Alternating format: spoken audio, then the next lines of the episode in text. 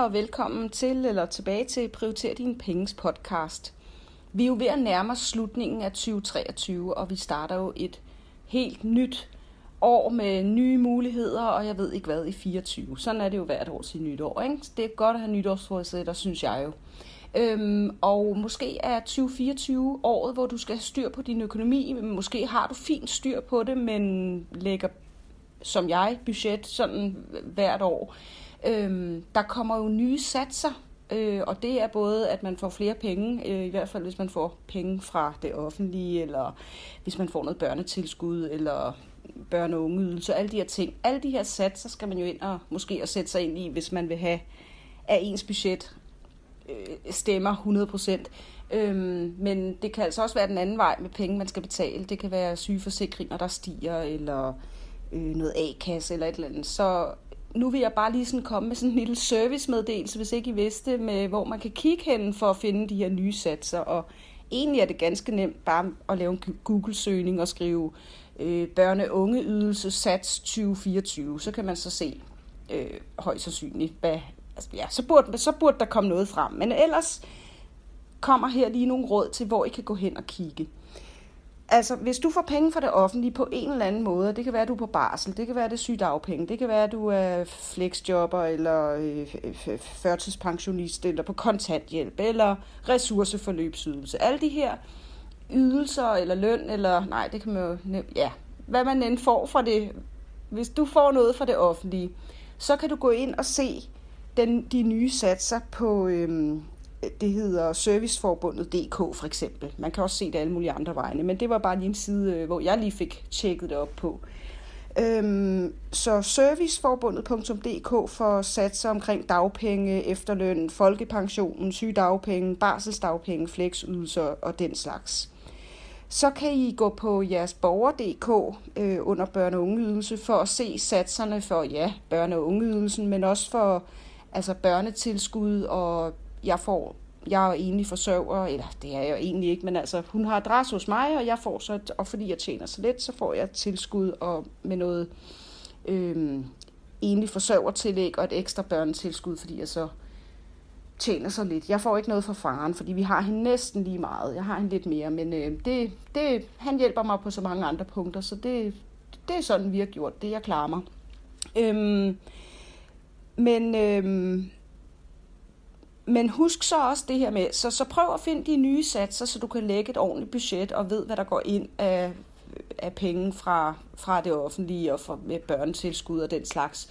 Men så skal du også lige være var på, at for eksempel, jeg har i hvert fald lagt mærke til, at min syg, jeg har sygeforsikring Danmark, bare sådan en helt almindelig normal gruppe, Øhm, og der betalte jeg sidste år 380 kroner i kvartalet, og den kan jeg se, den stiger til 407 kroner i kvartalet. Og det er jo forsvindende lidt, jeg ved det godt, men altså, altså 27 kroner på, øh, i kvartalet er jo 9 kroner om måneden, ikke? hvis man øhm, finder ud af, hvad det i gennemsnit er om måneden. Så det er jo, det er jo selvfølgelig ikke så meget, men, men hvis budgettet skal holde, og man overfører noget bestemt til sin budgetkonto om måneden, så, så skal der jo være så skal der være styr på tingene. Så øh, gå ind og se, om det kan være, at din A-kasse stiger. Du kan godt, jeg tror godt, du allerede kan se det nu. Jeg har ikke A-kasse mere, som tidligere nævnt i et andet program. Men, øh, men ja, Sygeforsikring Danmark er i hvert fald en af dem. Så kig på forsikringer, kig på øh, øh, A-kasse, kig på... Ja, jeg kan ikke komme i tanke om, hvad det ellers kan være. Der er også masser af streaming-abonnementer, der er ved at stige, har jeg, har jeg fundet ud af. Jeg har i hvert fald stærkt overvejet at droppe den der Disney. Den gik lige pludselig fra 79 kroner om måneden til, jeg tror, de skulle have 100, 109 kroner om måneden plus. Jeg synes, det var noget af en stigning. Altså, det er næsten, næsten, øh, måske ikke 50 procent, men så 35-40 procent. Det synes jeg er voldsomt. Nå.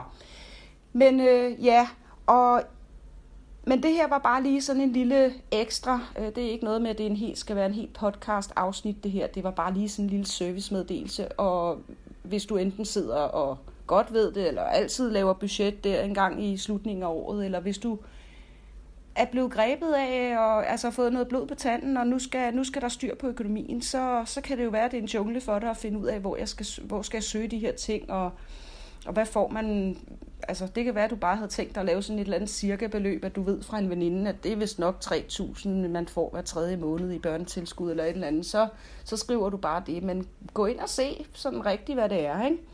Øh, det er da meget sjovt at have de, altså, de rigtige tal.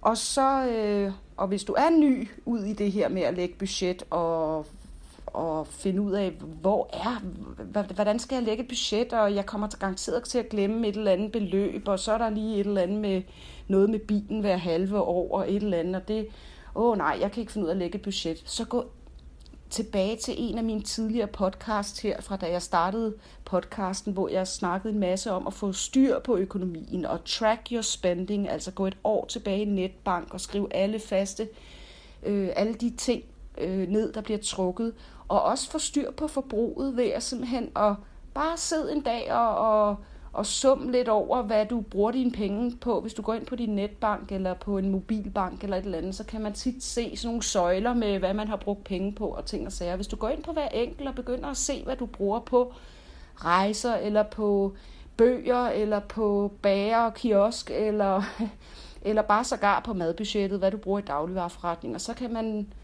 så kan man blive noget overrasket. Det, det kan være, det er, det er ofte, det er en øjenåbner for de fleste, og, øhm, og bare lave den her øvelse, hvor man, ja, hvor man bare får sådan en lille overblik. Ikke noget med, at man skal skrue på noget allerede nu, men bare det, at man ser det sort på hvidt, og tallene springer i øjnene, og man ser de der søjler, og man tænker, gud, bruger jeg i snit 8.000 på mad, det er jo fuldstændig vanvittigt. Øhm, så bare det, at man ser det, uden at beslutte sig for at gøre noget ved det, så kan det være, at man lige tøjler sig selv lidt. Og når du så sætter dig og lægger et budget, så, så vær realistisk omkring det. Altså, måske skal, kan du godt skære madbudgettet ned, men, men der, der er jo ikke nogen, der siger, at du kan leve. Altså, det er jo fuldstændig vanvittigt at tro, at man kan leve for 500 kroner om måneden, selvom at det vil se rigtig dejligt ud i budgettet.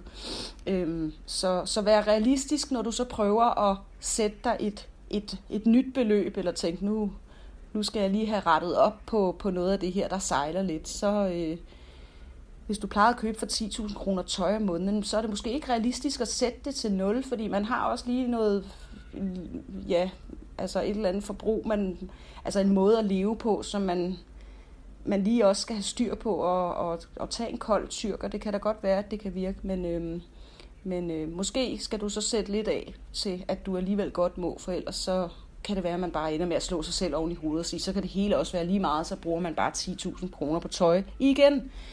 Øhm, så ja, og så har jeg jo, så vil jeg lige sige her på falderæbet til sidst, at øh, jeg også har gang i to øh, challenges, der øh, den ene er lige udkommet i dag faktisk, og den anden er sat til at komme på mandag. Øhm, og det er sådan også i kølvandet på 20, altså på at 2023 er ved at rende ud, så er det sådan nogle to challenges, som jeg opfordrer til. Challenges, meget med dansk navn, jeg kan godt høre det. Udfordringer hedder det jo selvfølgelig på dansk, ikke? men altså må ikke vi alle sammen, de fleste af os forstår, hvad challenges betyder. Men der er sådan to udfordringer der. Den ene er lige udkommet i dag, det er noget omkring at holde et købestop i januar, som jeg opfordrer til. Øh, og købestop betyder, at man kun køber mad og medicin og alt det, altså det mest nødvendige. Ikke? Så måske ikke for 10.000 kroner tøj. Det er måske ikke så nødvendigt. Øhm, og den næste challenge, der kommer, som udkommer her på mandag, som sagt, eller her om en uges tid, det er så øh, en challenge, der hedder at tømme køleskabene. Så siger jeg ikke mere om det. Det kan I jo begynde at, at lytte med på, hvis I, hvis I er på en udfordring øh, eller to. Så det var servicemeddelelsen her, øh, og tak for at lytte med, og vi lyttes ved en anden gang. Ha' det godt, hej!